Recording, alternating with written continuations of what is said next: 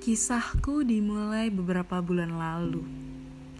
Saat itu, ku bertemu dia di sebuah kedai kopi milik temanku. Dia adalah laki-laki dewasa yang suka sekali dengan kopi. Dia adalah laki-laki yang punya pengetahuan luas dan dia pintar menurutku. Bermula dengan kenalan singkat dan dilanjutkan dengan obrolan yang bisa dibilang menguras otak ya bagaimana tidak? Ku diajak berdebat tentang perekonomian Indonesia. Lelaki itu selalu memperlakukanku dengan baik. Dia tidak pernah kasar padaku, bahkan dia selalu marah padaku bila aku keceplosan ngomong kasar. Dia memperlakukanku layaknya seorang ratu, dan dia selalu punya cara untuk membuatku bahagia badai silih berganti. Hubunganku terus selalu diuji. Entah datang dari orang terdekat, bahkan masa lalu. Tapi aku salut. Aku dan dia berhasil menyikapinya dengan dewasa.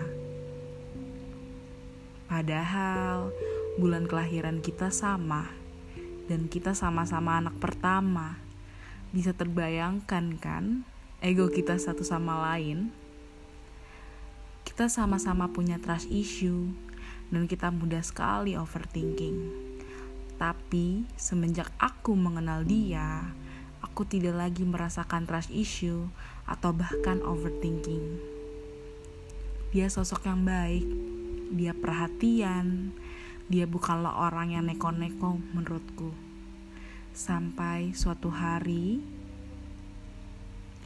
aku dipertemukan oleh kedua orang tuanya. Bapak dan ibunya sangat baik padaku. Cara mereka merespon diriku dan peduli padaku, sungguh ku bersyukur sekali. Sosok lelaki ini memang tidak sesuai dengan tipe pria idamanku. Tapi dia bisa menutupi kekuranganku dan kelebihanku bisa menutupi kekurangannya dan kurasa itu lebih dari kata cukup. Dan akhirnya aku tersadar hubungan itu harus keduanya yang saling berjuang. Keduanya yang harus saling mencintai, keduanya yang ha harus saling berusaha untuk menjadi pasangan yang sempurna. Bukan lagi berjuang dengan sendiri dan mencintai tanpa merasakan dicintai.